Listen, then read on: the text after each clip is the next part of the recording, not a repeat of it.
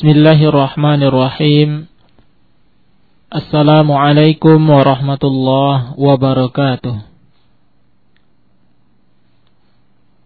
Alhamdulillahi rabbil alamin. Assalatu wassalamu ala ashrafil anbiya'i wal mursalin wa ala alihi wa ashabihi ajma'in. Ashhadu an la ilaha illallah wahdahu la syarika lah واشهد ان محمدا عبده ورسوله صلى الله عليه وعلى اله واصحابه ومن تبعهم باحسان الى يوم الدين اما بعد kaum muslimin dan muslimah pendengar setia hidayah yang semoga senantiasa dirahmati oleh Allah Subhanahu wa taala Alhamdulillah senang sekali rasanya pada malam yang berbahagia ini anak Abu Ismail bisa hadir kembali untuk menemani sahabat hidayah semuanya di 103,4 Hidayah FM saluran tilawatul Quran dan kajian ilmiah Islam. Dan sesaat lagi insyaallah kita akan mendengarkan kajian ilmiah Islam yang disampaikan oleh Al Ustaz Aspri Hafizahullah Ta'ala dari kota Madinah An-Nabawiyah dan Alhamdulillah pada malam hari ini kita sudah tersambung dengan beliau. Namun akan menyapa terlebih dahulu. Assalamualaikum Ustaz. Waalaikumsalam warahmatullahi wabarakatuh. Um, uh, eh, Kaifah halak Ustaz? Eh, alhamdulillah khairin wa afiyah. Wa antum kaifah halukum? Alhamdulillah ana bi khair Ustaz. Eh, uh, Namun uh, di malam hari ini insya Allah kita akan kembali melanjutkan kajian yang sebelumnya telah disampaikan ya Ustaz ya. Ya. Masih seputar tentang fungsi harta dalam kehidupan seorang muslim bagian yang kedua. Ya. Nah, baiklah kaum muslimin dan muslimah untuk memanfaatkan waktu, marilah kita mendengarkan kajian yang akan disampaikan oleh Al Ustaz berikut ini. Nah, kepada Ustaz, tafadhal mashkura. Ya. Uh, بسم الله الرحمن الرحيم. إن الحمد لله نحمده ونستعينه ونستغفره ونعوذ بالله من شرور أنفسنا وسيئات أعمالنا. من يهده الله فلا مضل له ومن يضلل فلا هادي له. وأشهد أن لا إله إلا الله وحده لا شريك له وأشهد أن محمدا عبده ورسوله صلى الله عليه وعلى آله وأصحابه ومن سلك سبيله واتبع سنته إلى يوم الدين. أما بعد para pendengar Radio Hidayah yang dirahmati Allah. Assalamualaikum warahmatullahi wabarakatuh. Alhamdulillah kita memuji Allah Subhanahu wa taala atas nikmat karunia dan berbagai macam kemudahan yang diberikan Allah Subhanahu wa taala kepada kita. Sehingga pada malam ini kita kembali dapat menyisihkan waktu kita menggunakan kesempatan kita untuk saling memberi nasihat bersama kita sering menegakkan kaidah yang terbesar di dalam kaidah-kaidah Islam. Di mana agama Islam didirikan di atas kaidah-kaidah tersebut. Yaitu at-tanasuh bil haqq wa at-tanasuh ala sabr.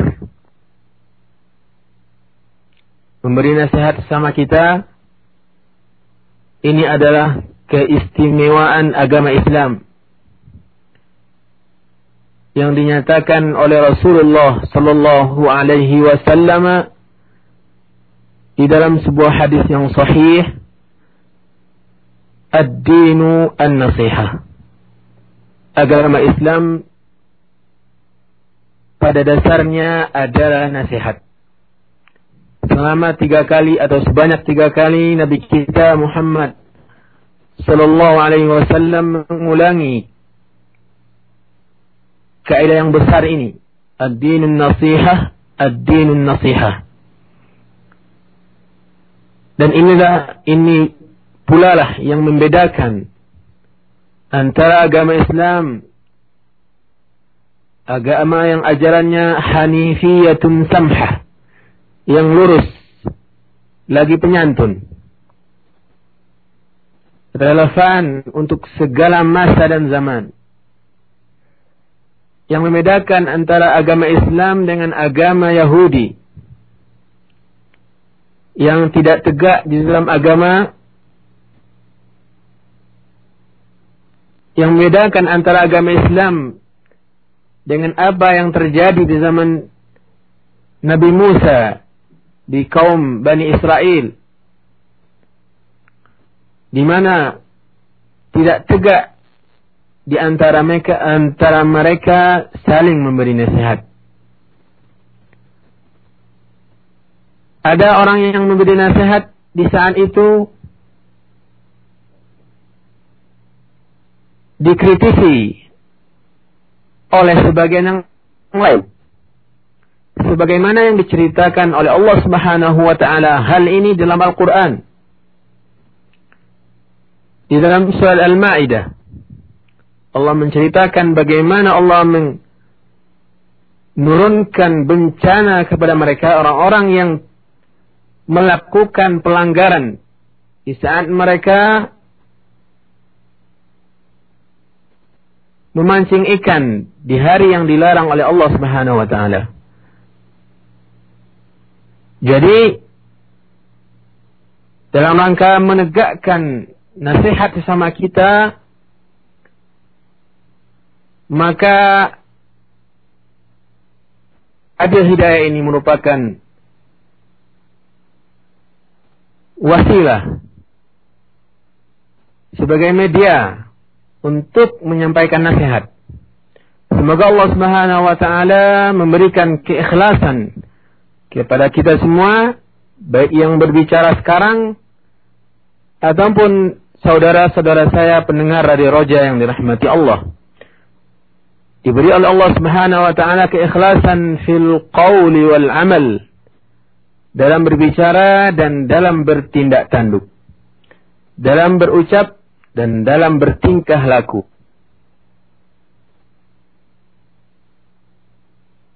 Kemudian salawat dan salam. Marilah pula kita perbanyak untuk mengucapkan kepada Nabi kita Muhammad sallallahu alaihi wasallam. Seorang nabi yang diutus oleh Allah Subhanahu wa taala untuk menegakkan at-tanasuh. Memberi nasihat. Di dalam umat ini.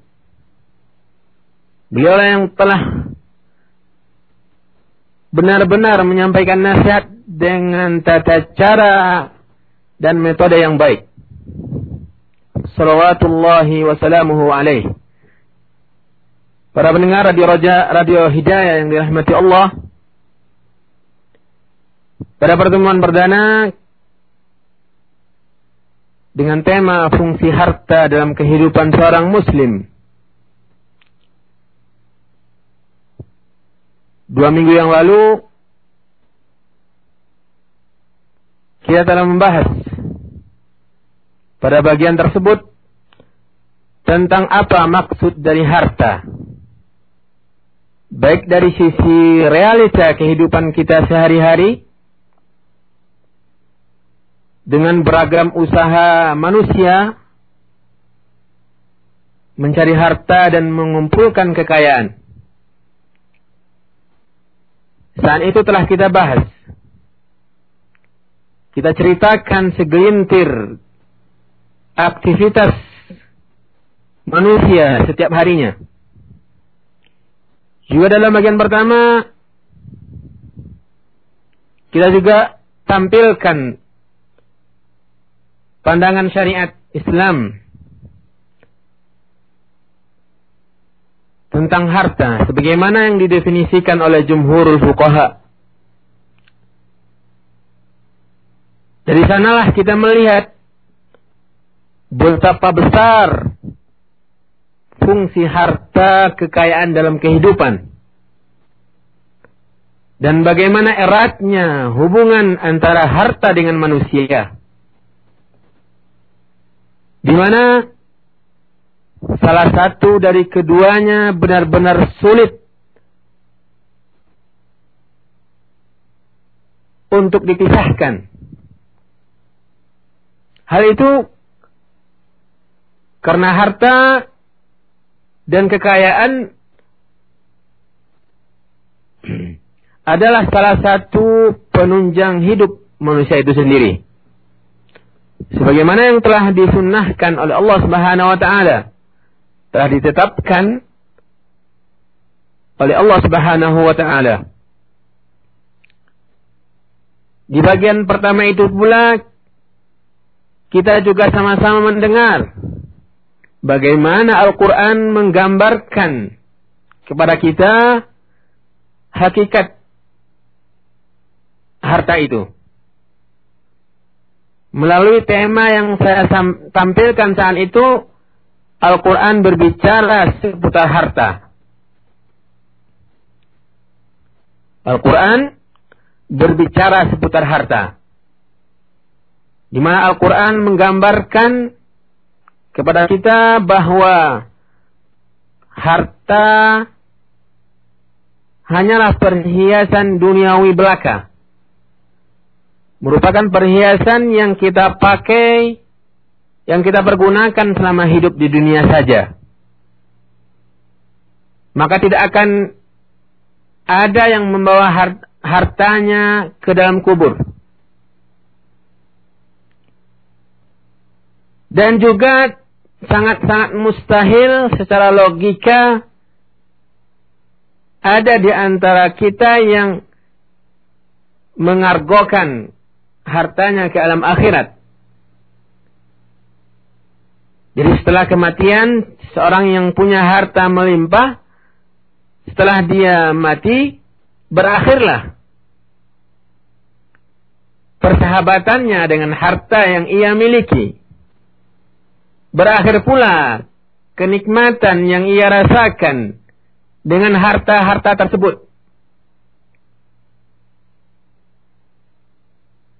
Paling yang ia bawa dari harta itu adalah satu di antara dua. Apakah kebaikan dari harta yang ia dapatkan ataupun petaka yang ia hasilkan.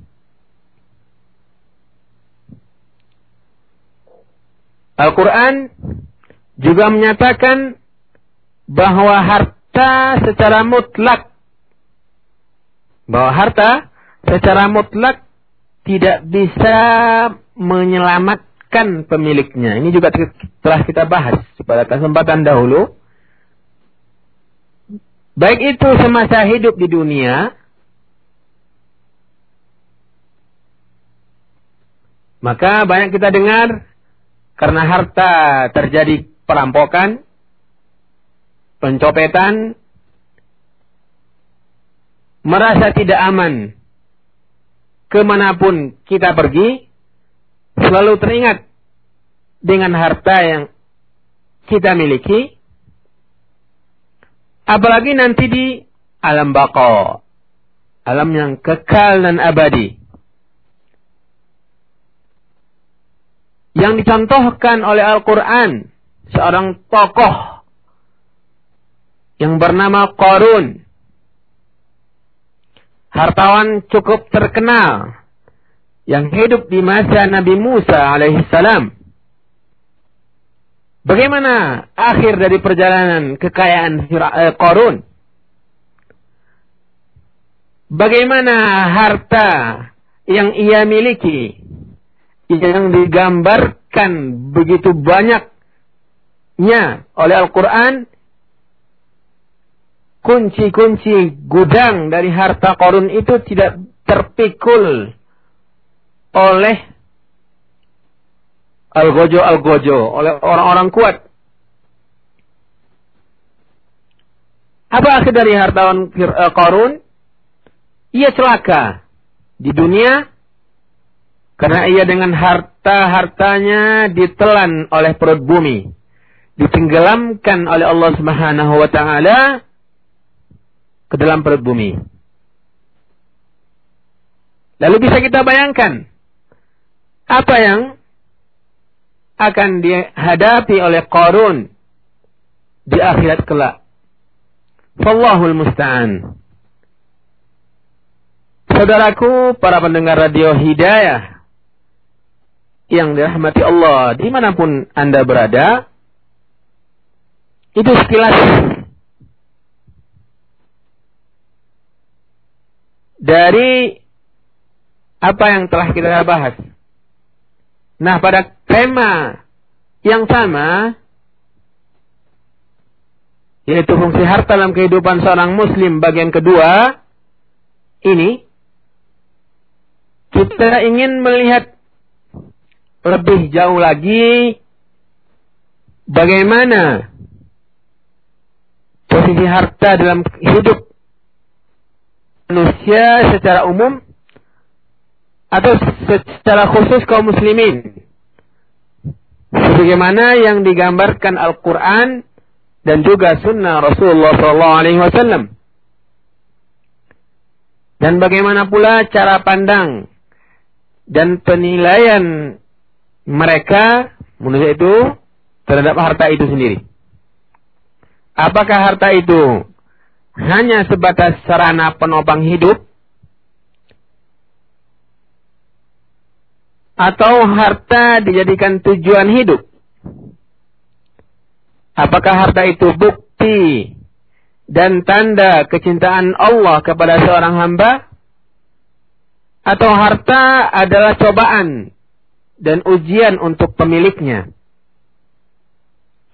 Apakah harta itu abadi, kekal, dan bisa mengekalkan, mengabadikan pemiliknya atau sebaliknya. Seterusnya beranjak dari cara memandang harta ini, kita juga akan terbahas secara langsung bagaimana macam ragamnya cara manusia mendapatkan harta itu. Jadi para pendengar radio Hidayah yang dirahmati Allah melanjutkan Al-Quran berbicara seputar harta. Di sini Al-Quran bercerita bahwa sebagian manusia beranggapan bahwa harta itu abadi. Ini Al-Quran yang bercerita. Dan ini kita bisa lihat dari realita kehidupan masyarakat. Bagaimana sebagian atau, ataupun umumnya manusia, baik itu non-muslim ataupun seorang muslim yang sibuk dengan harta. Hari-harinya selalu berusaha untuk mengumpulkan harta sebanyak-banyaknya.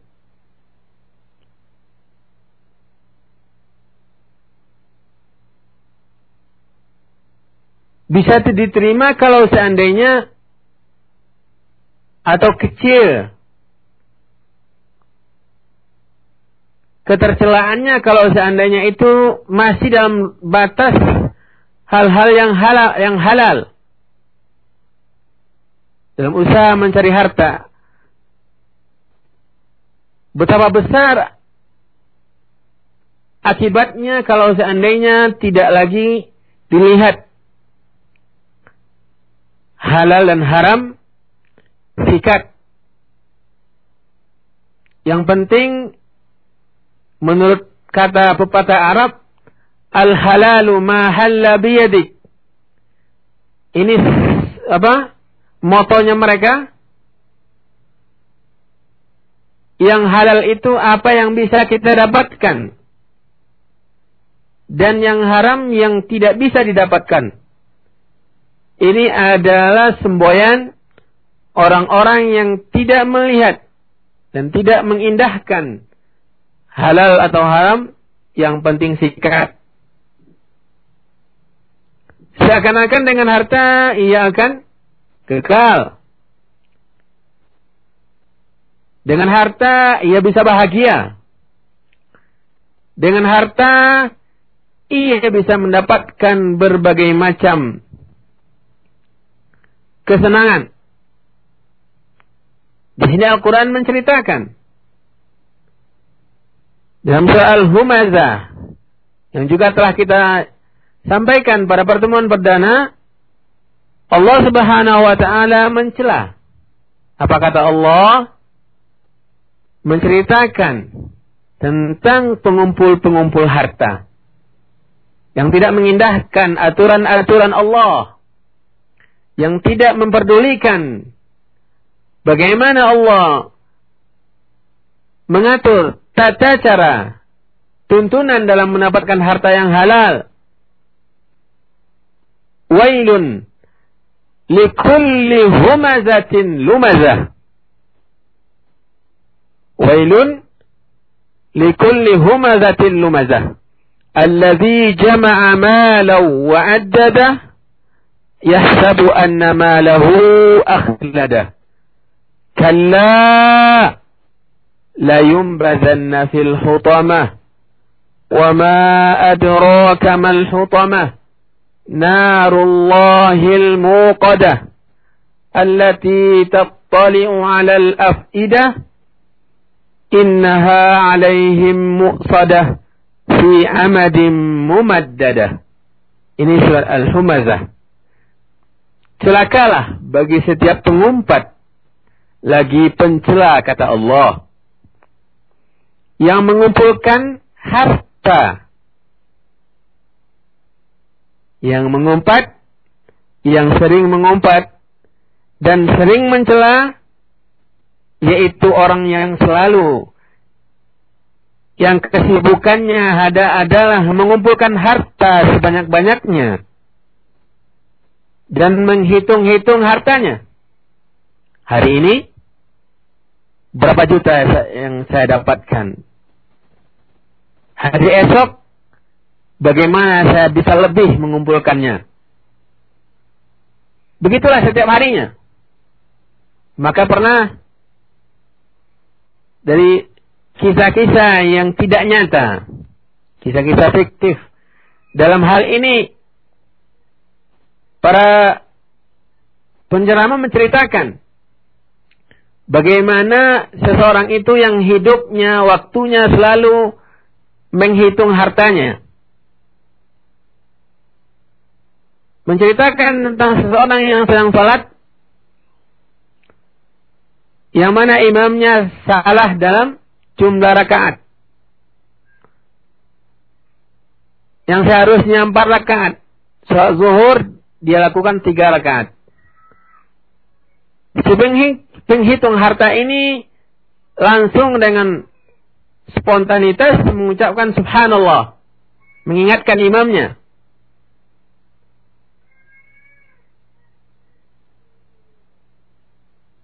Kata yang mengisahkan ini ternyata bukan karena dia khusus dalam salatnya. Kan tapi karena yang saat dia saat itu yang hartanya yang dihitung tersebut masih kurang satu yang pada semestinya empat toko yang ia miliki pada rakaat ketiga masih ada satu lagi sisanya. Ini perumpamaan. Ini contohkan oleh sebagian orang.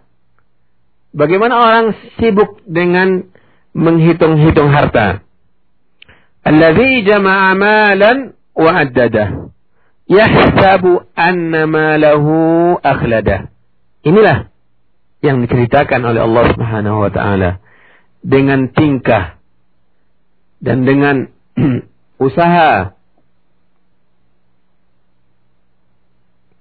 yang ia lakukan siang hari tidak memperdulikan waktu sampai malam. Kalau masih dapat hasil lembur yang menggiurkan, tidak memperdulikan, memperdulikan badan, yang penting banyak duit. Orang yang seperti itu beranggapan kata Allah Subhanahu wa taala yahsabu annama lahu akhladah. Bahwasanya hartanya itu akan mem membuat ia kekal. Ini yang diceritakan oleh Al-Quran. Para penghitung-penghitung, para pengumpul-pengumpul harta. Menganggap bahwasanya dengan harta ia akan bisa kekal hidupnya. Kalla. Kata Allah, sama sekali tidak. La yumbazanna fil hutamah orang yang seperti itu akan dilemparkan ke dalam hutamah. Wama adraka mal hutamah? Dan tahukah kamu apa hutamah itu? Narullahil muqadah. Yaitu api yang telah disediakan oleh Allah. Yang sedang menyala allati tattali'u 'ala al-af'idah yang membakar sampai ke hati. Innaha 'alaihim mu'sadah Sungguhnya api itu ditutup rapat atas mereka fi amadin mumaddadah. Sedangkan mereka itu diikat pada tiang-tiang yang panjang. Ini harta. Sebagian manusia menganggap bahwasanya harta bisa membuat ia kekal.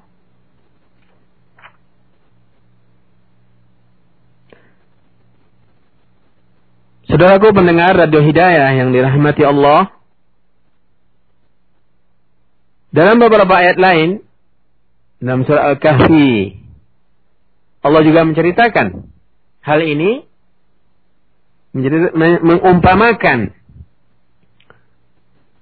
bagaimana besar kecintaan manusia kepada harta dan yang akan mengekalkan dia. Ini anggapan mereka. Dalam soal kahfi Allah Subhanahu wa taala menceritakan ayat 32 sampai 36. واضرب لهم مثل الرجلين جعلنا لأحدهما جنتين من أعناب وحففناهما بنخل وجعلنا بينهما زرعا كلتا الجنتين آتت أكلها ولم تظلم منه شيئا وفجرنا خلالهما نهرا وكان له ثمر فقال لصاحبه وهو يحاوره أنا أكثر منك مالا وأعز نفرا. ودخل جنته وهو ظالم لنفسه. قال ما أظن أن تبيد هذه أبدا وما أظن الساعة قائمة ولئن رددت إلى ربي لأجدن خيرا منها منقلبا. Dan berikanlah kepada mereka sebuah perumpamaan. Dua orang laki-laki. Kami jadikan bagi seorang di antara keduanya yang kafir dua, bu dua buah kebun anggur. Dan kami kelilingi kedua kebun itu dengan pohon-pohon korma. Dan di antara kedua kebun itu kami buatkan ladang. Kedua buah kebun itu menghasilkan buahnya. Dan kebun itu tiada kurang buahnya sedikit pun. Dan kami alirkan sungai di celah-celah kedua kebun itu dan dia mempunyai kekayaan besar. Maka ia berkata kepada kawannya yang mukmin ketika ia bercakap-cakap dengan dia, hartaku lebih banyak dari hartamu dan pengikut-pengikut pengikutku lebih kuat dan dia memasuki kebunnya sedang dia zalim terhadap dirinya sendiri. Ia berkata, Aku kira kebun ini tidak akan binasa selama-lamanya. Ini kekal. Akan tidak tidak akan binasa selama-lamanya. Dan aku tidak mengira hari akhirat, hari kiamat itu akan datang. Dan jika sekiranya aku dikembalikan kepada Tuanku, pasti aku akan mendapat tempat kembali yang lebih baik daripada kebun-kebun itu. Ini Allah menggambarkan bagaimana harta, bagaimana sebagian manusia menganggap harta bisa mengekalkan. Bisa dia menikmati harta itu selama-lamanya. Bahkan kalau seandainya dia juga mati, maka dia kelak Allah Subhanahu wa taala akan memberikan lebih dari itu. Ini kata Al-Qur'an menceritakan bagaimana sebagian orang menganggap harta itu adalah abadi. Saudara-saudara pendengar radio Hidayah yang dirahmati Allah, umur dunia ini sudah terlalu tua untuk tidak kita dapatkan bukti nyata dari kebenaran ayat-ayat ini.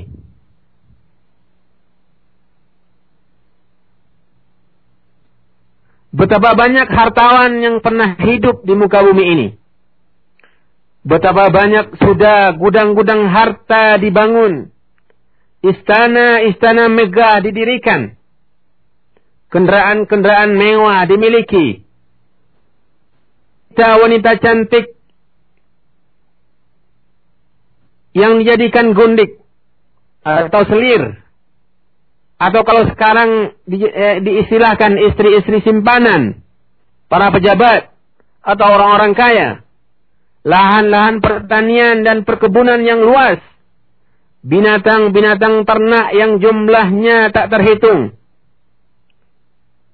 Mulai dari dinasti-dinasti kerajaan, khilafah-khilafah dan kedaulatan, sampai kekayaan yang diperoleh oleh hasil jeripayah dan banting tulang serta kejelian otak dalam mengolah dan menginvestasikan harta.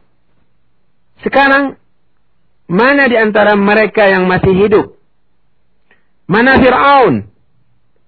Mana Qarun? Dan mana Haman?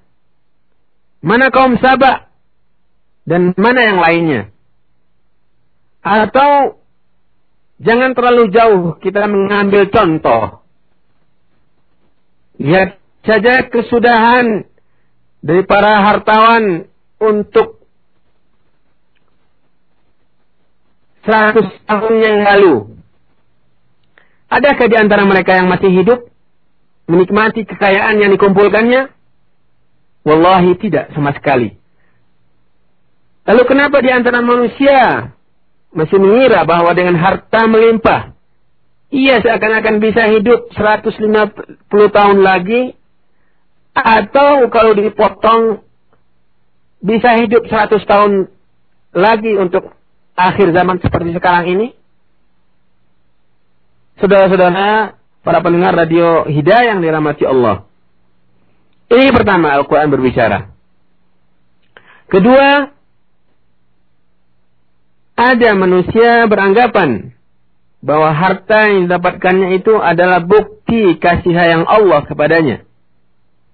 Ini diceritakan oleh Al-Quran dalam surah Al-Mu'minun. Ayahsabuna annama numidduhum bihi min malin wa banin nusari'u lahum fil khairat bal la yash'urun Apakah mereka, kata Allah, mengira bahwa harta dan anak-anak yang kami berikan kepada mereka itu berarti bahwa kami bersegera memberikan kebaikan-kebaikan kepada mereka? Tidak. Sebenarnya mereka tidak dalam keadaan tidak sadar. Ini Allah bercerita. Bahwasanya ada orang yang beranggapan bahwa Allah dengan harta adalah bukti kasih sayang Allah kepadanya. Sehingga ia lupa bahwasanya hakikat dari harta adalah cobaan. Dalam surah Al-Fajr Allah Subhanahu wa taala juga menceritakan, "Fa'ammal insanu idza mabtalahu rabbuhu fa'akramahu wa na'amahu fayaqulu rabbi akraman." وأما إذا ما ابتلاه فقدر عليه رزقه فيقول ربي أهانا كلا بل لا تكرمون اليتيم ولا تحادون على طعام المسكين وتأكلون التراث أكلا لما وتحبون المال hubban jamma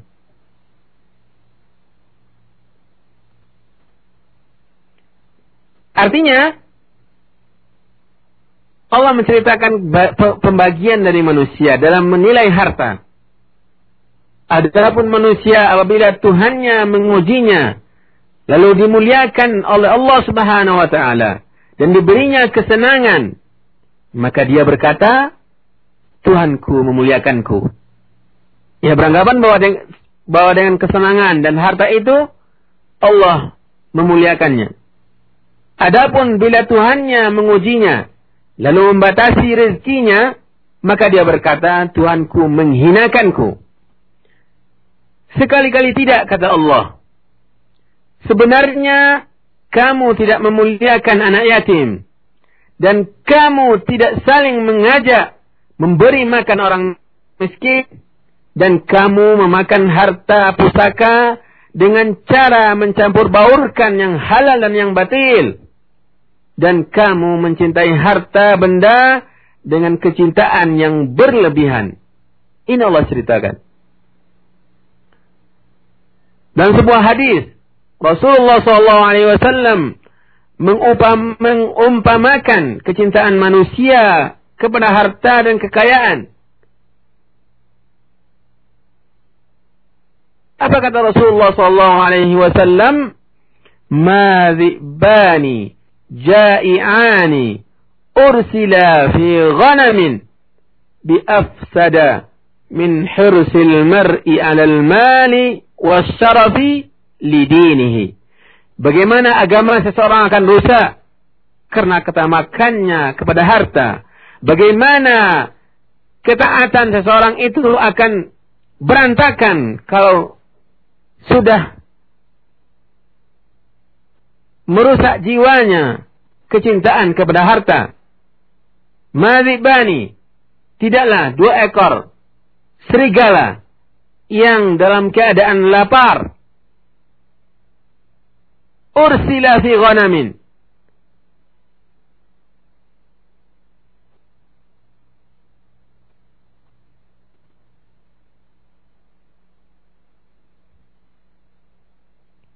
Madhibani ja'iani ursila fi ghanamin? Tidaklah. Dua ekor serigala yang lapar yang disampaikan kepada kumpulan kambing biafsadalah lebih merusak kambing itu min hirsil mar'i dari ketamaan ketamakan seorang manusia kepada harta dan kehormatan terhadap agamanya kita bisa membayangkan bagaimana dua ekor serigala akan mencabik-cabik, akan memakan kambing-kambing yang ditemuinya. Di saat ia lapar, bagaimana kerusakan yang terjadi. Tapi kalau dibandingkan dengan agama seseorang, kalau sudah jiwanya rusak oleh ketamakan kepada harta, bagaimana agamanya akan rusak jauh-jauh lebih dari kerusakan yang ditimbulkan oleh dua serigala lapar tadi. Itu sebagian dan sebagai lanjutan daripada Al-Quran berbicara seputar harta. Saudaraku para pendengar Radio Roja, Radio Hidayah yang dirahmati Allah. Sekarang kita ingin menjelaskan pembagian harta itu sendiri. Dengan tema pembagian harta dari sisi halal dan haramnya. Berapa macam pembagian harta itu? Kalau ditinjau halal atau tidaknya harta tersebut secara umum harta kalau ditinjau dari sisi halal dan haramnya dapat kita bagi menjadi beberapa bagian. Yang pertama, harta yang halal zat dan sifatnya. Ini yang pertama. Harta yang halal zatnya atau karena sifatnya. Harta yang halal zat dan sifatnya ini banyak sekali. Seperti umumnya makanan dan minuman. Dan semua fasilitas yang diciptakan oleh Allah subhanahu wa ta'ala di muka bumi ini. Dan itulah di antara bukti bagi manusia betapa besar rahmat Allah Subhanahu wa taala dan betapa tinggi kemuliaan yang diberikan oleh Allah Subhanahu wa taala kepada manusia. Sehingga Allah berikan berbagai macam fasilitas kepada manusia yang dihalalkan oleh Allah Subhanahu wa taala. Inilah yang disimpulkan oleh para ulama di ayat huwallazi khalaqakum ma fi huwallazi khalaqa lakum ma fil ardi jami'a. Dialah Allah yang men, yang telah memberikan untuk kamu segala yang ada di bumi. Jadi segala yang ada di bumi diciptakan oleh Allah Subhanahu wa taala untuk manusia. Jadi memang mesti kita ingat bahwa yang halal itu sangat banyak dan luar biasa jumlah dan jenis macamnya. Coba saja telusuri apa-apa yang ada di daratan yang begitu luas. Dan silakan hitung. Jumlah makanan, minuman yang diharamkan oleh Allah Subhanahu wa taala. Bisa dihitung. Setelah itu, mari pula kita selami kedalaman lautan. Dan coba hitung apa-apa saja makanan yang diharamkan oleh Allah Subhanahu wa taala di dalam lautan. Dan begitu pula halnya apa-apa yang terbang di angkasa raya. Bisa dihitung dengan jari. Subhanaka Rabbi ma khalaqta hadha batila. Itu semua sesuai dengan apa yang diceritakan oleh Allah Subhanahu wa taala di dalam Al-Qur'an tentang Banu Israel. Kata Allah, "Kullu ta'ami كان حلا لبني إسرائيل إلا ما حرم إسرائيل على نفسه من قبل أن تنزل التوراة semua makanan adalah halal bagi Bani Israel kecuali makanan yang diharamkan oleh Israel maaf kecuali makanan yang diharamkan oleh Israel yaitu Yakub Nabi Yakub yang mengharamkan sebagian makanan untuk dirinya. Sebelum diturunkan Taurat. Ini menjelaskan kepada kita apa yang dinyatakan oleh Allah Subhanahu wa taala kepada Bani Israel. Bahwasanya semua makanan halal bagi mereka. Juga dalam ayat lain Allah menyatakan Al-Qur'an menyatakan dalam surat Al-An'am 145 قل لا أجد ما أوحي إلي محرما على طاعم يطعمه إلا أن يكون ميتة أو دما مسفوحا أو لحم خنزير Katakanlah ini kepada Nabi Muhammad SAW, tiadalah aku dapatkan dalam wahyu yang diturunkan kepadaku sesuatu yang diharamkan bagi orang yang hendak memakannya kecuali kalau makanan itu bangkai atau darah yang mengalir atau daging babi. Karena sesungguhnya semua itu kotor. Atau binatang ini sembelih atas nama selain Allah. Barang siapa yang dalam keadaan terpaksa sedang dia menginginkannya dan tidak pula melampaui batas maka sesungguhnya Allah Maha Pengampun lagi Maha Penyayang ini Allah ceritakan bahwasanya yang haram itu bisa dihitung dengan jari. Dan yang sebaliknya yang dihalalkan oleh Allah Subhanahu wa taala sangat banyak dan apa pun yang ada di bumi ini. Setelah semua ini, para pendengar radio Hidayah yang dirahmati Allah, maka sangat sombonglah seorang anak manusia yang masih mencari-cari makanan yang diharamkan Allah lalu memakannya di bawah penglihatan Allah Subhanahu wa taala seakan-akan ia mengatakan kepada sang penciptanya yang menghidupkan dan membesarkannya inikah Tuhanku makanan yang engkau haramkan itu? Maka sekarang lihatlah bagaimana saya melahapnya ta'ala Allahu amma yaf'aluna 'uluwan kabira ini gambaran bahwasanya kita sebenarnya tidak butuh kepada apa yang diharamkan oleh Allah Subhanahu wa taala. Karena yang dihalalkan Allah Subhanahu wa taala sudah jauh-jauh lebih dari cukup untuk kita manusia. Ini harta yang pertama. Yang zat dari harta itu adalah haram. Seperti yang dicontohkan tadi, Eh, zat yang dinyatakan eh, bahwasanya harta zat harta itu halal. Dan itu banyak sekali. Ini yang kedua, harta yang haram zat dan jenisnya. Ini kebalikan dari yang pertama. Kebalikan dari yang pertama bahwasanya yang haram zatnya itu sangat sedikit sekali dan bahkan bisa dihitung dengan jari tangan. Ini dinyatakan dan diberitakan oleh Allah Subhanahu wa taala di dalam Al-Qur'an surat Al-An'am ayat 145 tadi illa an yakuna maitatan. Yang pertama adalah bangkai. Betapa banyak kita dapatkan atau kita dengar orang memakan bangkai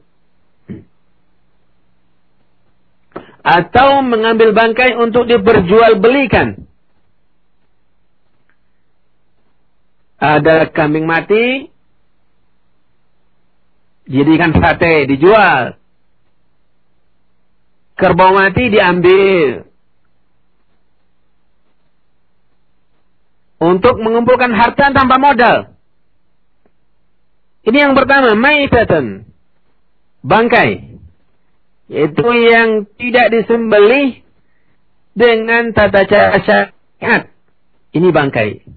Hewan binatang yang halal yang matinya tidak melalui sembelihan syariat atau sembelihan syar'i. Ini bangkai. Dinyatakan oleh Allah Subhanahu wa taala dalam surat di awal surat Al-Maidah. Audaman masfuhan ataupun darah yang mengalir. Ini juga diharamkan oleh Allah Subhanahu wa taala. Betapa banyak kita lihat orang yang membekukan darah dan dijadikan makanan. Aulah khinzir. Ini bisa di, diharamkan oleh Allah Subhanahu wa taala zatnya ada daging babi. Daging babi juga diharamkan oleh Allah Subhanahu wa taala dan tidak boleh diperjualbelikan.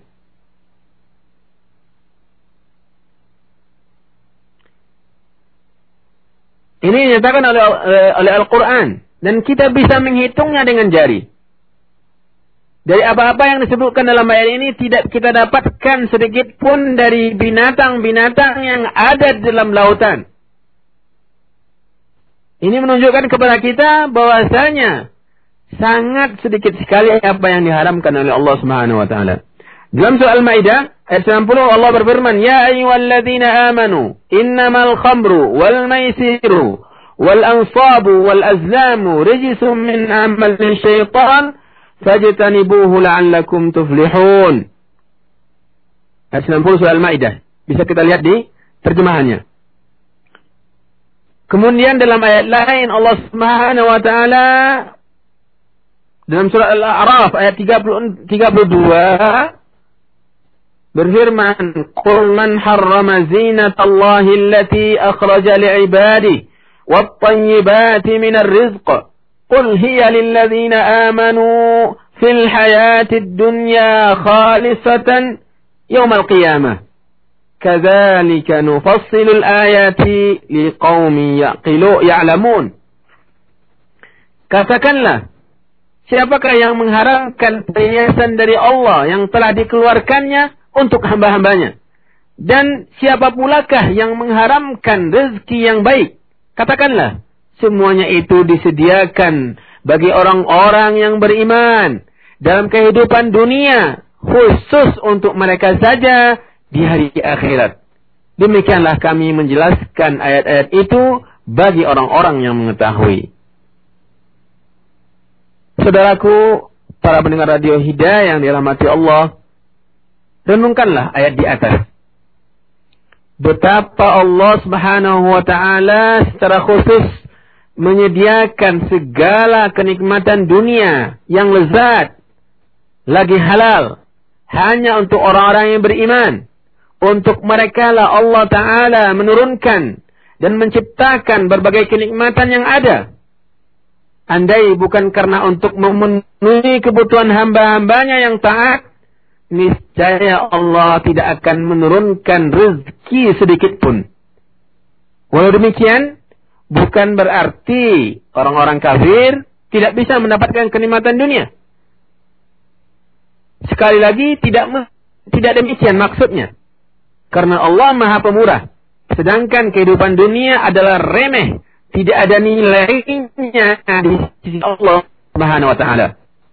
Maka ia membiarkan orang-orang kafir turut menikmati lezatnya kehidupan dunia ini. Dalam sebuah hadis yang diriwayatkan oleh Tirmizi dan Ibnu Majah, "Lau kanatid dunya ta'dilu 'inda Allah janaha ba'udatin ma kafiran minha syurbata ma." Andai dunia ini di sisi Allah senilai sehelai sayap nyamuk, andai dunia ini di sisi Allah senilai sehelai sayap nyamuk, niscaya Allah tidak akan memberi minum kepada orang kafir walau hanya seteguk air. Akan tetapi kelak pada kehidupan yang berharga dan kekal, yaitu di akhirat, tidak ada kesempatan sedikit pun bagi orang-orang kafir untuk ikut menikmatinya. Oleh karena itu, para pendengar radio hidayah yang dirahmati Allah, bila kita renungkan dan amati dengan seksama, kita akan menemukan bahwa kenik kenikmatan dunia yang dihalalkan untuk kita nikmati melebihi jumlah barang-barang yang diharamkan oleh Allah Subhanahu wa taala. Bahkan apa-apa yang diharamkan sangatlah sedikit jumlahnya. Seperti yang kita jelaskan tadi. Dan selanjutnya, bila kita merenungkan barang-barang itu, kita teliti lagi apa-apa yang diharamkan Allah tersebut, niscaya kita dapatkan bahwa pengharaman itu demi kepentingan dan kemaslahatan kita manusia. Tidaklah ada sesuatu yang diharamkan oleh Allah melainkan karena mengandung mudarat dan dapat menjadi ancaman bagi kelangsungan hidup manusia. Cepat ataupun lambat, kita pasti akan menyaksikan dan membuktikan bencana mudarat dari dari barang-barang haram tersebut. Walaupun mungkin saja untuk saat ini pandangan kita menjadi kabur karena silau oleh kemilauan sedikit manfaat yang terdapat pada barang-barang itu. Jadi Inilah apa-apa yang diharamkan oleh Allah Subhanahu wa taala dan yang dijelaskan oleh Al-Qur'an dan oleh Rasulullah SAW dalam sunnah. Bisa kita hitung dengan jari kita. Sekali lagi, maka tidak ada uzur sedikit pun, tidak ada dispensasi sedikit pun bagi kita kalau mencari masih mencari mencari mencari apa-apa yang diharamkan oleh Allah Subhanahu wa taala untuk kita lahap, untuk kita santap karena yang yang dihalalkan oleh Allah Subhanahu wa taala untuk kita dari min tayyibat, dari hal-hal yang baik dan halal jauh lebih banyak. Ini yang yang kedua, yang ketiga dari pembagian harta harta yang halal didapatkan dengan cara yang halal pula. Jadi, kehalalan sebuah harta dalam Islam bukan hanya sebatas jenis dan zat harta tersebut berstatus halal. Akan tetapi mesti juga dinilai dari bagaimana cara mendapatkannya. Apakah dengan cara yang tidak bertentangan dengan kaidah-kaidah syar'i atau sebaliknya? Kalau sesuai dengan apa yang telah digariskan syariat, maka harta itu adalah harta yang halal di samping zatnya yang halal. Sebaliknya, kalau didapatkan dengan cara yang bertentangan dengan kaidah-kaidah syariat, maka harta itu tetap berstatus haram sekalipun zatnya halal. Ini mesti kita ketahui. Ini sesuai dengan apa yang disinggung dalam sebuah hadis yang diriwayatkan oleh Imam Tirmidzi dan disahihkan oleh Syekh Albani, la tazu la la tazula qadama 'abdin yawm al-qiyamah hatta yus'ala an arba'in. Di antaranya adalah wa an malihi min aina iktasabahu wa fima anfaqah. Tidak akan terangkat dua kaki seorang hamba pada hari akhirat sebelum ia ditanya tentang empat perkara. Di antaranya adalah tentang hartanya. Dari mana ia dapatkan harta tersebut? Dan yang kedua, ke mana ia nafkahkan. Jadi praktek mencari harta yang halal ini telah dijelaskan oleh Al-Quran dan Sunnah. Dijelaskan oleh syariat.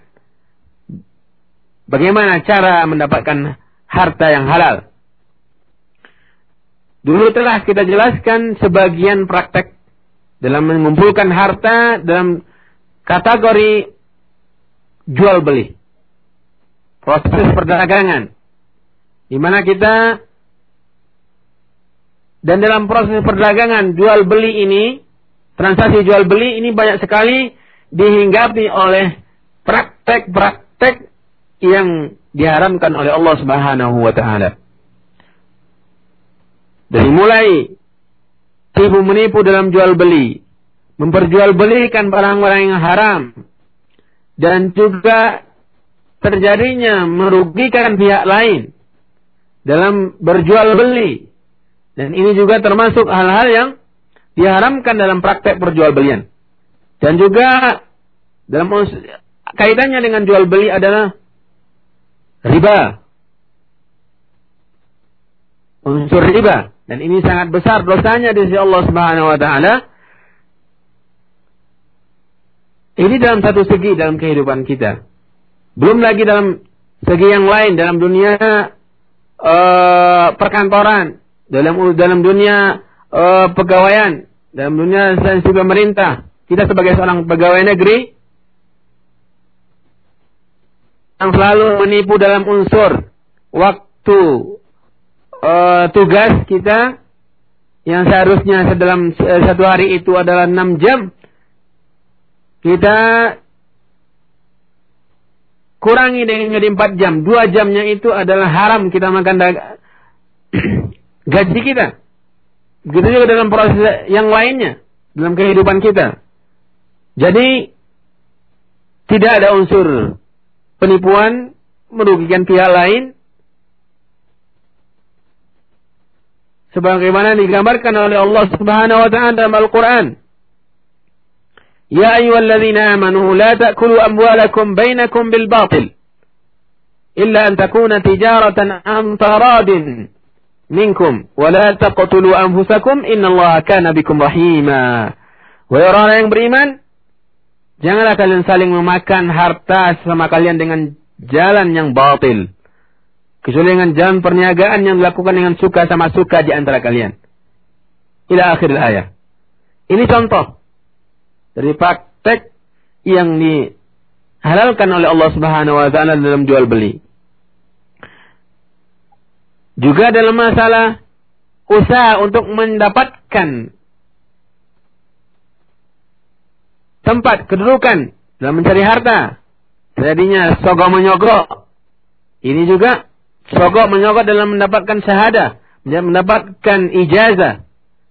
Ini juga yang akibat dari harta yang dihasilkan oleh ijazah yang kita dapatkan dengan cara menyogok ini adalah harta yang diragukan keabsahannya, kehalalannya. Dan justru para ulama mengatakan itu tidak benar dan harta yang dihasilkan oleh ijazah tersebut adalah harta yang haram. Yang keempat adalah harta halal tapi didapatkan dengan cara yang haram. Itu yang tadi kita jelaskan.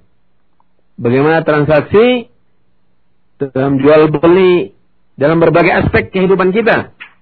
Jadi itu pembagian harta yang dijelaskan oleh para ulama. Kita sebagai seorang muslim tentunya keridhaan Allah adalah di atas segala-galanya. Apa yang diridhai oleh Allah Subhanahu wa taala dalam hidup kita baik dalam mengumpulkan harta ataupun dalam menafkahkannya.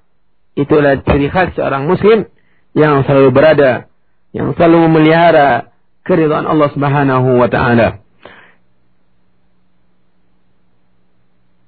Dalam sebuah hadis yang diriwayatkan oleh Ka'ab bin Ayyad radhiyallahu anhu bahwasanya Nabi sallallahu alaihi wasallam bersabda, sesungguhnya bagi setiap umat tersebut ada fitnah dan fitnah umatku adalah harta. Ini jelas. Kadang kita semasa orang-orang yang selalu bergelut dengan pengajian, dengan ta'lim, dengan agama. Akan tapi dikala kita berhadapan dengan harta, kita lupa. Bahkan dengan harta rusak hubungan sama kita. Kita tidak lagi mengindahkan norma-norma, aturan-aturan agama dalam hal ini. Kita berhutang, kita tidak berusaha untuk membayar hutang kita. Kita tidak lagi memelihara hak-hak orang lain dalam masalah harta. Ini kadang terkeluar dari mulut kita ucapan yang menganggap bahwa adalah dosa kecil. Dengan mengatakan, oh masalah harta, masalah utang saya, masalah apa yang ada pada yang saya tanggungan saya, insya Allah akan saya pertanggungjawabkan nanti di hadapan Allah. Ini adalah perkataan yang sangat berani sekali yang dikeluarkan oleh orang yang berbicara seperti ini. Jadi saudaraku pendengar radio Hidayah yang dirahmati Allah, itu yang dapat kita bahas dalam fungsi harta dalam kehidupan seorang muslim bagian kedua ini. Mudah-mudahan ada manfaatnya dan insya Allah pada bagian ketiga kita akan menjelaskan manfaat atau efek positif harta yang halal dalam kehidupan seorang muslim dan juga dampak sebaliknya dampak negatif yang muncul atau ditimbulkan oleh harta yang haram dalam kehidupan seorang muslim. Wassallallahu wasallam ala. Wassalamualaikum warahmatullahi wabarakatuh.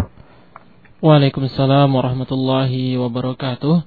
Demikianlah kaum muslimin dan muslimah rahimakumullah pendengar setia hidayah di mana pun antum berada. Materi yang disampaikan oleh Al Ustaz tentang fungsi harta bagi seorang muslim pada bagian yang kedua di malam hari ini dan kita manfaatkan waktu beberapa menit ke depan bagi sahabat hidayah yang ingin bertanya secara langsung silahkan bisa menghubungi di nomor 0761 765 2255 atau di nomor telepon 0812 684 20000. Adapun bagi yang ingin bertanya melalui SMS bisa mengirimkan pertanyaannya di nomor SMS 0811 75 30000. Baik kita terima penelpon perdana di malam hari ini. 6 Assalamualaikum.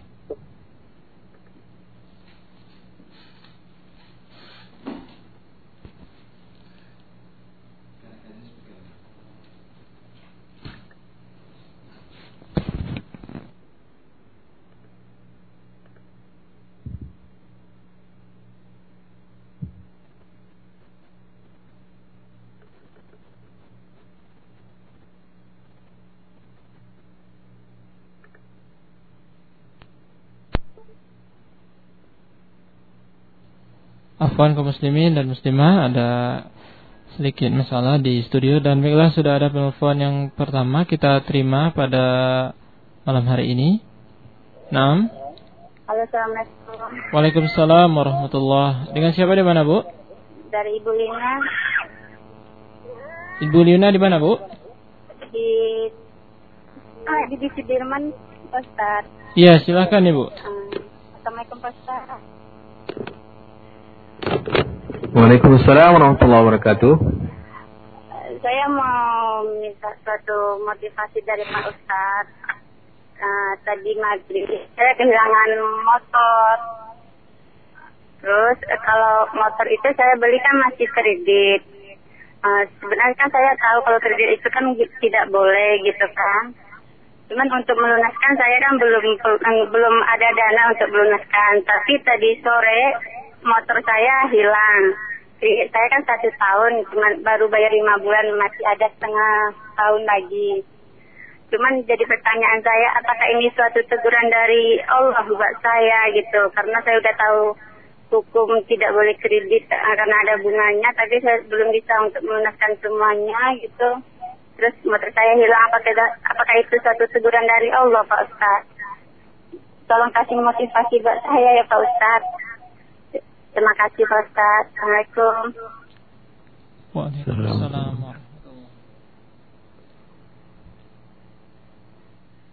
Ya, ya langsung dijawab ini ya. Iya, demikian Ustaz.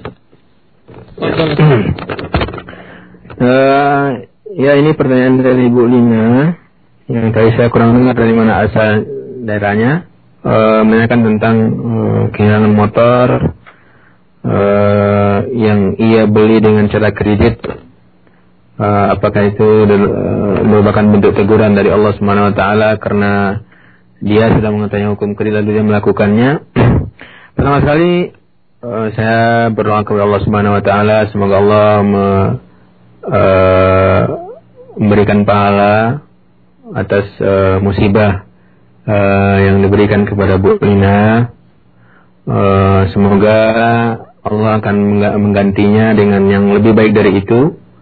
Dan uh, masalah uh, ini apakah teguran atau tidak itu kita sebagai seorang muslim ya sebagai seorang muslim tentunya setiap musibah yang kita hadapi setiap bencana yang menimpa kita tentu tidak akan terlepas dari dua perkara ya.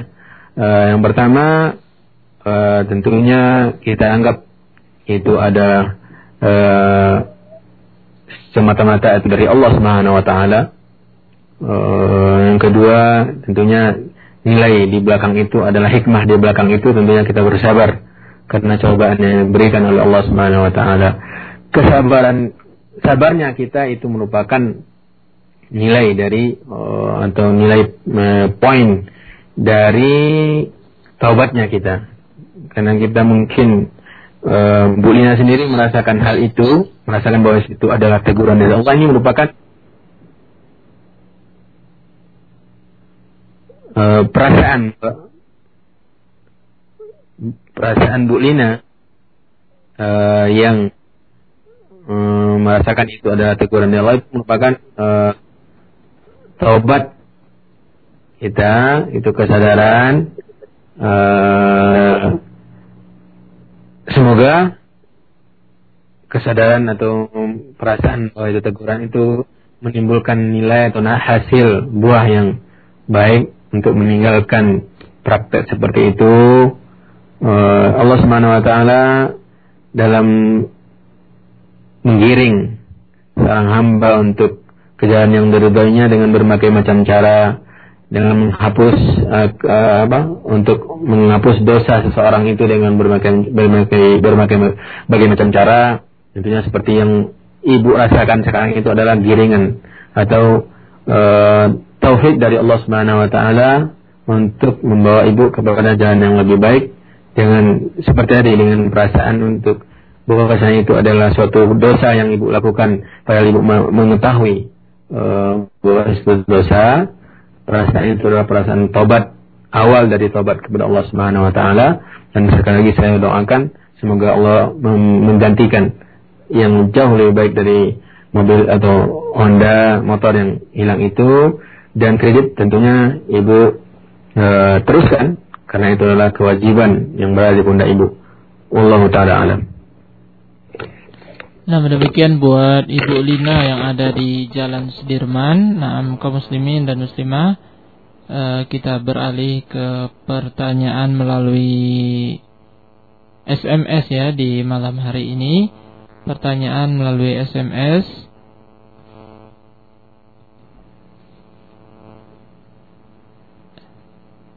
Iya, Maaf Pak Ustadz, kalau orang masuk PNS ya pegawai negeri sipil dengan cara membayar uang sogo, berarti bagaimana gaji pegawai itu Pak Ustadz? Terima kasih atas jawabannya. Demikian Ustaz. Ya, uh, ini tentunya seperti yang kita uh, gambarkan dan jelaskan oleh para ulama.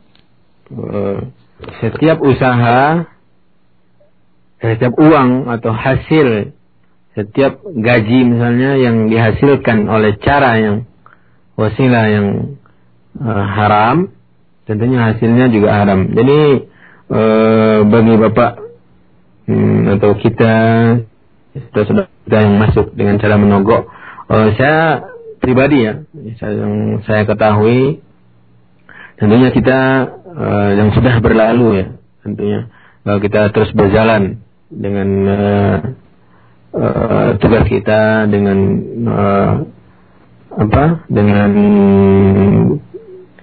kepegawaian kita yang kita dapatkan dari cara mencoba itu dan kita bertobat kepada Allah Subhanahu wa taala uh, dengan memperbanyak memperbanyak uh, sedekah, banyak amal-amal saleh. Uh, itu yang uh, apa? Uh, yang jalan yang terakhir yang kita lakukan. Tapi kalau ada sebagian kita yang uh, ingin meninggalkannya dengan meninggalkan tugasnya, kawannya yang dapatkan dengan cara itu dengan meninggalkan dan kembali ke jalan yang benar itu sangat sangat jauh sangat uh, baik sekali uh, dengan barang siapa kata dalam sebuah hadis barang siapa meninggalkan sesuatu karena Allah taala maka Allah akan uh, menggantinya dengan apa-apa yang jauh lebih baik dari apa yang ia tinggalkan itu. Jadi tentunya eh, PNS yang kita dapatkan, gaji yang kita dapatkan dengan itu jelas uh, ternoda, ternoda oleh uh, sogokan yang kita keluarkan, walaupun itu uh, jelaskan oleh para ulama, tentunya tidak 100% ya, tapi kita mestinya merasa bahwasanya dalam kehidupan kita sehari-hari dampak negatif dari apa yang kita lakukan itu kepada keluarga kita, kepada anak-anak kita. Jadi saya sarankan ya kepada orang yang sudah masuk PNS dengan cara seperti itu kalau tidak mau meninggalkan tapi dengan cara bertobat kepada Allah Subhanahu wa taala memperbanyak sedekah memperbanyak amal, amal soleh uh, dan tentunya kalau ya, ingin lebih selamat lagi tentunya dengan meninggalkan uh, kepegawaiannya sebagai seorang pegawai negeri sipil dengan uh, mencari uh, usaha yang baru yang jauh lebih halal. Allah taala alam. Nah demikian buat sahabat ide yang bertanya melalui SMS tadi jawaban dari Al Ustad. Dan baiklah konfidin bagi yang ingin bertanya secara langsung silahkan Ya sudah ada penelpon yang berikutnya di 0761 Naam. Waalaikumsalam Ustaz. Waalaikumsalam warahmatullahi Dengan siapa di mana Bu? dengan Bu Lia di Pandau, Ustaz. Iya, silakan dengan pertanyaannya, Bu.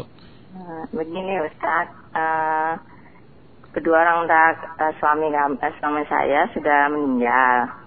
Iya. Uh, uh, kedua orang tua kami ini meninggalkan suatu perusahaan yang sekarang itu uh, untuk dikelola ke lima orang anaknya. Nah, uh, ya uh, perusahaannya itu seperti menjual ini uh, salah satunya menjual rokok kan Ustadz dan terus masih berhubungan dengan bank karena dulu perusahaan orang tua jadi kami kan tidak ikut campur nah sekarang uh, dikelola oleh kami berlima gitu kan nah dalam proses untuk menghilangkan rokok dan uh, untuk memutuskan hubungan dengan bank itu Eh, selama itu uh, gajinya itu boleh kami ambil atau bagaimana Ustadz? Iya itu saja Bu. Iya. Iya. Nah. Assalamualaikum warahmatullahi wabarakatuh. Waalaikumsalam warahmatullahi wabarakatuh. Nah, tafadhal Ustaz. ya. Tadi nak Ibu apa? Ibu Ibu Lia di Pandau. Ya, pertanyaan tadi dari Ibu Lia di Bandau menceritakan uh, bahwa orang kedua orang tuanya atau orang tua suaminya meninggal dan meninggalkan sebuah perusahaan. uh, perusahaan itu bergerak dalam apa perusahaan rokok uh, yang mana perusahaan itu sekarang dikelola oleh lima orang anaknya ya, yes. anak dari yang meninggal dan sekarang perusahaan tetap berjalan dan juga bermuamalah dengan bank. Uh, jadi pertanyaan ibu itu gaji yang sek sekarang masih diambil yang berjalan apakah status uh, ini apa uh, kita sebagai seorang muslim ya. Tentunya hal-hal yang seperti ini adalah uh, pertama dalam uh, perusahaan tersebut bergerak dalam bidang yang uh, rokok ya yang tentunya merusak masyarakat merusak uh, orang yang mengonsumsinya dan juga jauh-jauh lebih besar kerusakannya itu perokok pasif uh, orang yang menghisap langsung asap rokok yang kita dapatkan di mana-mana di daerah kita di dalam bis kota di dalam di mana-mana di kantor dan lain sebagainya apalagi di ruang-ruang ber AC dan lain sebagainya ini juga uh, merupakan penyebaran kerusakan di permukaan bumi, permukaan bumi yang dilarang oleh Allah Subhanahu wa taala. uh, ini pertama, yang kedua uh, tentunya ibu kan sebagai pribadi itu pada dasarnya adalah uh, pusaka atau hari warisan yang ditinggalkan oleh orang tua, baik itu orang tua suami ibu atau orang tua ibu. Yang sekarang tinggal lima orang adik beradik. Dan ibu untuk melepaskan diri setelah kita berusaha untuk me, e, memusyawarahkan itu kepada kelima orang kakak beradik itu dengan hal yang sekarang sudah menyalahi syariat pertama adalah hasil dari perusahaan kemudian muamalah dengan bank. Tentunya kalau seandainya tidak ada jalan lain kecuali ibu e, mencari atau memisahkan diri dari hal yang seperti ini yang masih di dalam kategori uh, hal yang haram uh, tentunya itu sangat lebih baik meninggalkan hal seperti itu demi uh, diri kita masing-masing setelah kita berusaha untuk menyadarkan uh, memahamkan orang yang lain saudara-saudara kita yang lain tapi mereka tidak bisa. Tentunya kita pribadi ingin menyelamatkan diri kita sendiri dan juga anak-anak keturunan kita. Kemudian apa? Masalah gaji tentunya tetap gaji yang bukan gaji yang e, dihasilkan dengan cara seperti itu tentunya masih ada noda-noda e, haramnya.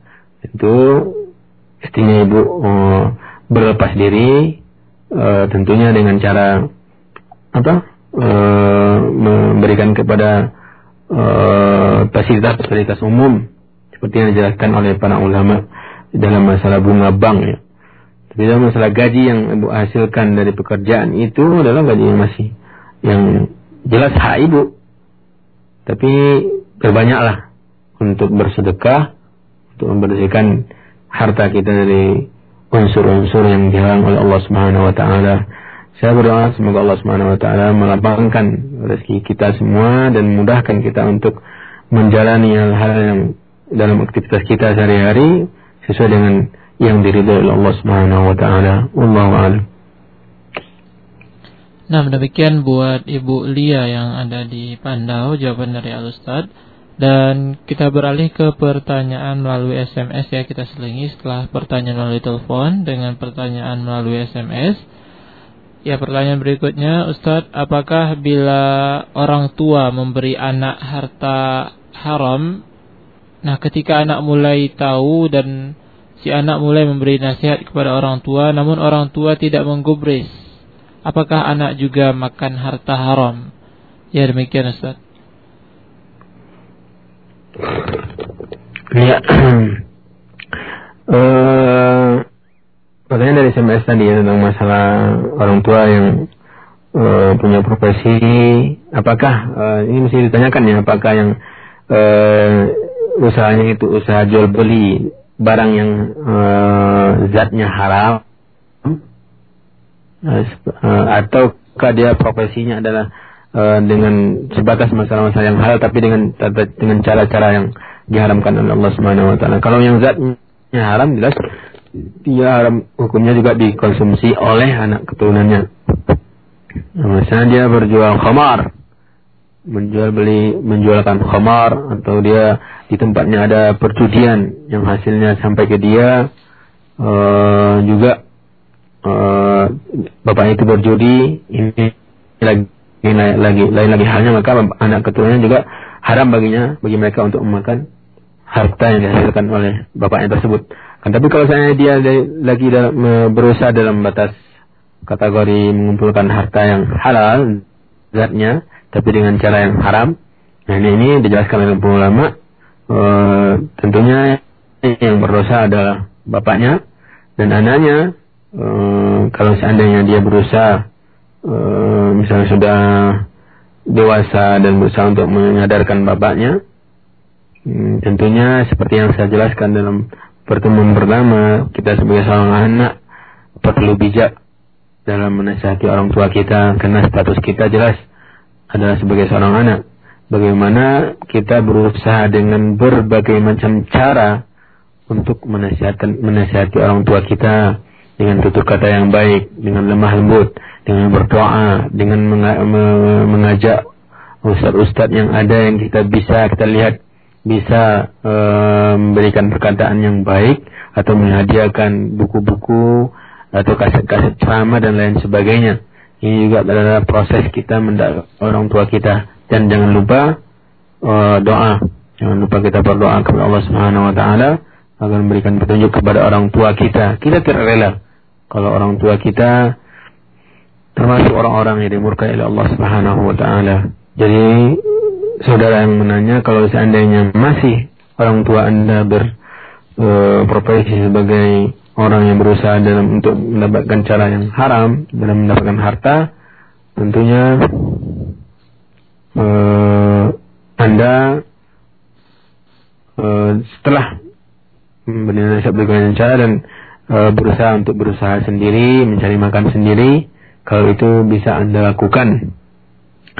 E, itu saja mudah-mudahan Allah Subhanahu wa taala memberikan bapak Anda, orang tua Anda petunjuk memberikan e, keterangan petunjuk kepadanya, melunakkan hatinya untuk menerima hidayah dari Allah Subhanahu wa taala dan melapangkan rezeki Anda dan keluarga Anda. Wassallallahu wasallam ala nabiyyina Muhammadin.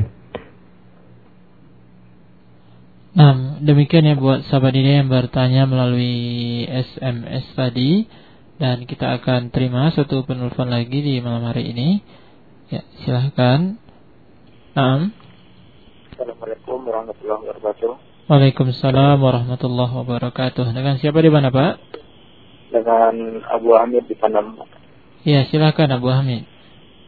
Uh, pertama sekali saya bersyukur dengan mudahnya datang ilmu kepada kita saat ini melalui siaran Radio Hidayah. Kemudian yang ingin saya akan kepada Ustadz, uh, saat ini kan masalah harta saya sedang ini apa uh, kredit untuk memiliki sebuah rumah. Sementara kita tahu dalam kredit itu ada riba, yaitu bunga bank, dan sistem kredit juga dengan angsuran yang berbeda-beda setiap tahunnya mengikuti suku bunga tersebut. Yang ingin saya kan apakah kita tetap berdosa sementara kalau kita menunggu dana terkumpul untuk membeli ah sepertinya itu kalau kondisi kita sekarang ini agak saya mohon oh, ini ya Ustaz penjelasannya Ustaz. Assalamualaikum warahmatullahi Ya, terima kasih kepada Bapak Abu Hamid juga dari Bandau ya. Di Panam. Uh, eh Panam, ya. Nah, dari Panam menanyakan masalah kredit rumahnya memang uh, fenomena ya, fenomenal sekali dalam kehidupan kita untuk membersihkan harta kita atau transaksi-transaksi yang kita lakukan dari hal-hal yang uh, salah dalam agama. Tentunya yang menilai ini adalah Allah Subhanahu wa taala. Uh, apa uh, kita yang belum melakukan suatu hal yang seperti yang ditanyakan ini tentunya kita berusaha mencari seratus seribu satu lagi cara yang lain yang kalau seandainya masih tidak kita dapatkan kita bersedih kepada Allah Subhanahu wa taala dan menyelamatkan diri kita dari hal-hal yang diharamkan oleh Allah Subhanahu wa taala. Adapun yang sudah terjadi di sini banyak terjadi banyak banyak sekali terjadi di zaman kita sekarang ini tentunya kita beranggapan bahwa itu adalah suatu hal suatu kebutuhan yang uh, primer sekali, kebutuhan yang sangat uh, penting dalam kehidupan kita, memenuhi kebutuhan rumah sebagai tempat tinggal kita. Tentunya kita hanya bisa dengan cara kredit yang dalam bentuk seperti yang Bapak ceritakan tadi dan itu, itu memang sudah terjadi di mana-mana. uh, tentunya kalau seandainya Bapak ingin melepaskan diri dari hal seperti itu, uh, berusaha mencari uh, piutang dari saudara-saudara kita, dari teman-teman kita uh, untuk membayar sekaligus sisa dari hutang Bapak secara cash. Kalau itu memungkinkan itu sangat lebih baik sekali ya untuk melepaskan diri kita dari jerat bunga hutang itu. Uh, adapun kalau misalnya tidak ada dan lain lakukan saja, jalani saja dan kita selalu bertobat kepada Allah Subhanahu wa taala ini memang sudah uh, kita tidak mau mau tidak mau mesti terjerumus ke dalam hal itu kalau kita melakukan transaksi hutang piutang dengan perbankan. Jadi Bapak Hamid uh, selalu berdoa kepada Allah Subhanahu wa taala untuk melapangkan rezeki kita dengan harapan dengan uh, meminta kepada Allah Subhanahu wa taala saya melapangkan rezeki saya untuk melunasi hutang saya yang dan saya ingin melepaskan dari dosa bunga ini. Ya Allah, ini berdoa sebanyak-banyaknya kepada Allah Subhanahu wa taala untuk melapangkan rezeki Bapak untuk melunasi hutang itu secepatnya secara cash uh, dan terlepas kita dari jerit uh, apa dari uh, jerat apa bunga-bunga utang yang dibebankan kepada kita uh, itu saja. Dan saya berdoa semoga Bapak uh, dilapangkan rezeki Bapak untuk secepatnya ini bukan Pak Hamid saja yang banyak lagi Pak Hamid Pak Hamid yang lain ya. Eh, Abu Hamid Abu Hamid yang lain baik itu dengan masa rumah ataupun yang lainnya kendaraan seperti dari ibu ibu Lina tadi. E, jadi memang itulah kondisi kita. Kita selalu bertobat kepada Allah Subhanahu Wa Taala. Memang e, kebutuhan seperti itu kita memang melihat adalah kebutuhan primer.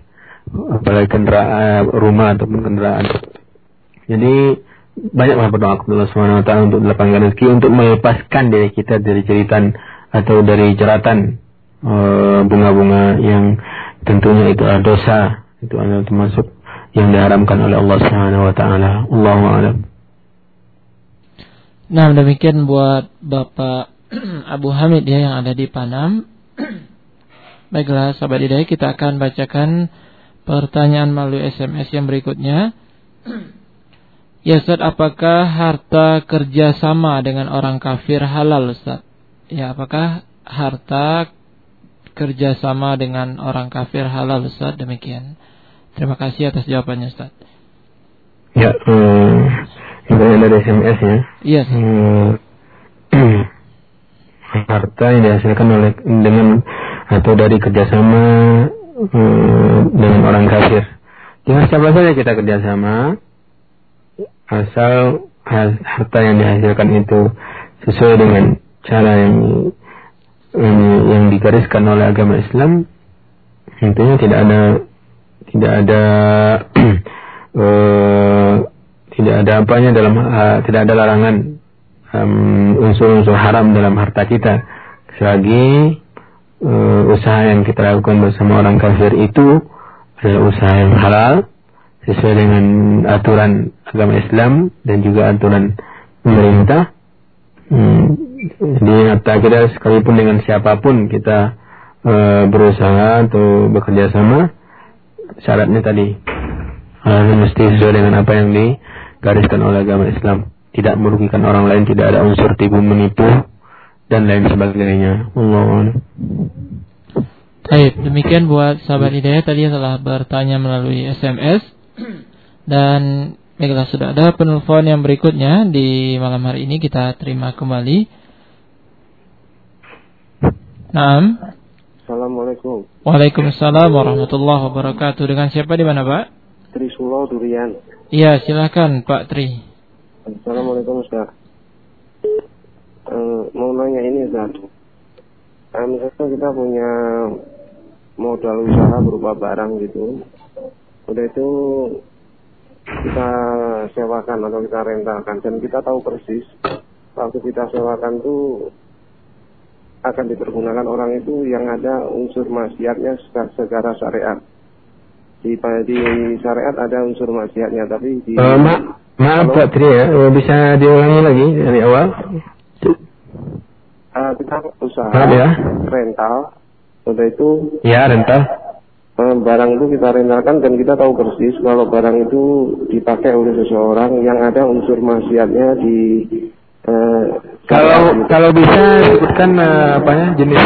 Misalkan komputer gitu kan. Nah, komputer ya. Itu dipergunakan sama orang yang ada unsur maksiatnya misalkan untuk bicara-bicara sama orang yang bukan mahram. Nah, kalau secara hmm. hukum dunia kan tidak ada masalah tuh halal aja nah, secara ini halal. Nah, hasilnya itu gimana kadar kehalalannya itu gimana Ustaz? Nah, apakah ada terkontaminasi gitu? Terima kasih Ustaz. Pak, Pak Tri? Ya. Atau mungkin yang lebih spesifik mungkin internet Bapak? Apa? Atau mungkin yang lebih spesifik usaha internet maksud Bapak bukan? Rental komputer gitu misalkan dipakai kita rentalnya kan nggak ada masalah. Oh, gitu. tapi dipakai oleh seseorang untuk hal yang ada unsur maksiatnya misalkan untuk chatting untuk bicara-bicara sama yang hukum itu kan nggak hmm. baik. Nah ya, macam mana hasilnya itu ah, kadar kehalalannya gitu. Iya. Nah, demikian. Terima kasih. Assalamualaikum Waalaikumsalam warahmatullahi wabarakatuh Ya, ini pertanyaan Pak Tri ya dari Durian. Iya, Jalan Durian. Tentang masalah rental menyewakan uh, komputer atau ini sebagai contoh saja ya, tapi yang secara spesifik seperti yang dijelaskan oleh apa tadi uh, yang secara umum juga masalah uh, warnetnya.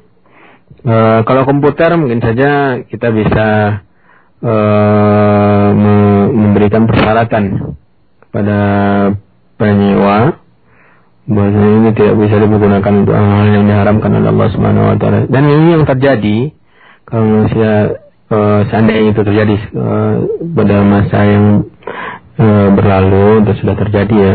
Uh, tentunya kita itu kelengahan kita dan hasil yang kita hasilkan tidak ada masalah sebab kita usaha dengan usaha yang halal cuma itu individu-individu yang mempergunakannya dan itu merupakan klien kita juga tapi tidak akan mempengaruhi uh, keabsahan atau hal tidak haramnya harta kita. Tentunya itu adalah hasil yang halal cuma pelakunya saja. Seperti yang uh, di televisi televisi pada angkatnya itu tidak uh, adalah satu zat yang halal tapi orang yang pergunakannya. Tentunya untuk mengantisipasi antisipasi masalah ini tentunya bapak Pak Tri bisa setiap yang ingin merental ya tentunya Bapak berikan persyaratan-persyaratan bahwasanya komputer ini komputer dan amanah di atas pundak saya, harta saya, dan Anda tentunya adalah konsumen saya, dan kita mesti dalam hal ini memberikan nasihat kepada semua saja, semua orang, berarti semua kaum muslimin. Uh, saya berharap bahwa komputer saya ini bergunakan pada hal-hal yang uh, positif, tidak yang dilarang oleh agama. Ini cara ya untuk mengantisipasi hal itu terjadi. Dan itu kalau misalnya memang, memang orang itu ingin melakukan e, di mana pun mereka ingin melakukannya. Ini tidak ada e, sangkut pautnya dengan Pak Tri atau Pak Tri Pak Tri yang lain yang menempelkan benda-benda yang sifatnya zatnya adalah benda yang halal, yang mubah dan e, tergantung kepada pe, pemakainya, pemakai pemakainya. Lalu pada hakikatnya seperti televisi televisi misalnya pada akhirnya televisi adalah satu benda yang mudah kan tapi orang yang menggunakannya acara-acara yang ada di dalamnya kemudian juga komputer dan juga warnet ataupun fasilitas-fasilitas seperti sekarang yang kita laku, kita kita pergunakan untuk hal yang uh, dakwah itu sangat tinggi nilainya si Allah Subhanahu wa taala. Saya anjurkan atau saya uh, sarankan kepada Pak Tri kalau ingin tidak ingin terjadi hal itu dengan cara mengantisipasi dari awal kepada setiap orang yang mau merental komputer Bapak dengan mengadakan eh, kesepakatan atau peraturan umum ya untuk mengingatkan saja. Tapi kalau itu pun terjadi, tidak ada kaitannya dengan Pak Tri, karena Pak sudah melakukan kewajiban Pak untuk saling memberi nasihat sama kaum muslimin. Allah. Baik, demikian buat Pak Tri yang ada di Jalan Durian dan uh, uh, dan pertanyaan dari Pak Tri tadi mungkin merupakan pertanyaan terakhir di edisi malam hari ini dan kami ucapkan jazakallahu khairan kepada Ustaz yang telah menyampaikan kajiannya kepada kita bersama di baru dan di Indonesia pada umumnya. Uh, jazakallahu khairan Ustaz. Wa iyyakum wa iyyakum. Wa barakallahu fi juhudikum wa jazakumullahu khairan. Afwan ala al-itala maaf atas segala kekurangan dan ya, kesilapan dan juga perkataan-perkataan yang tidak pada tempatnya. Saya berdoa kepada kru, semua kru Radio Hidayah, semoga Allah memberikan kemudahan dan taufik kepada antum semua dan memberikan pahala yang berlipat ganda kepada antum semua. Wassalamualaikum warahmatullahi wabarakatuh. Waalaikumsalam warahmatullahi wabarakatuh. Ya, jazakallah khair kita ucapkan kepada Al yang telah menyampaikan kajiannya kepada kita bersama di malam hari ini ya tentang uh, fungsi harta bagi seorang muslim pada bagian yang kedua. Mudah-mudahan kajian yang telah disampaikan oleh Al tadi dapat kita pahami bersama dan hendaklah kita bertakwa kepada Allah Subhanahu wa taala dalam masalah harta ini dan hendaklah kita benar-benar mencarinya dari hal-hal yang haram ya. Menjauhi perkara-perkara yang syubhat yang meragukan apatah lagi perkara-perkara yang sudah jelas diharamkan oleh Allah Subhanahu wa taala. Karena sesungguhnya ya kehidupan di dunia ini adalah sementara. Adapun kehidupan di akhirat kelak adalah kehidupan yang kekal abadi. Tempat kita mempertanggungjawabkan segala apa yang kita lakukan termasuk kita akan mempertanggungjawabkan harta yang kita peroleh di dunia ini. Akhirnya anak Abu Ismail beserta kru yang bertugas mohon undur diri dari kajian kita di malam hari ini. Wassallallahu ala nabiyyina Muhammad. Subhanakallahumma wa bihamdika asyhadu an la ilaha illa anta astaghfiruka wa atubu ilaik. Wassalamualaikum warahmatullahi wabarakatuh.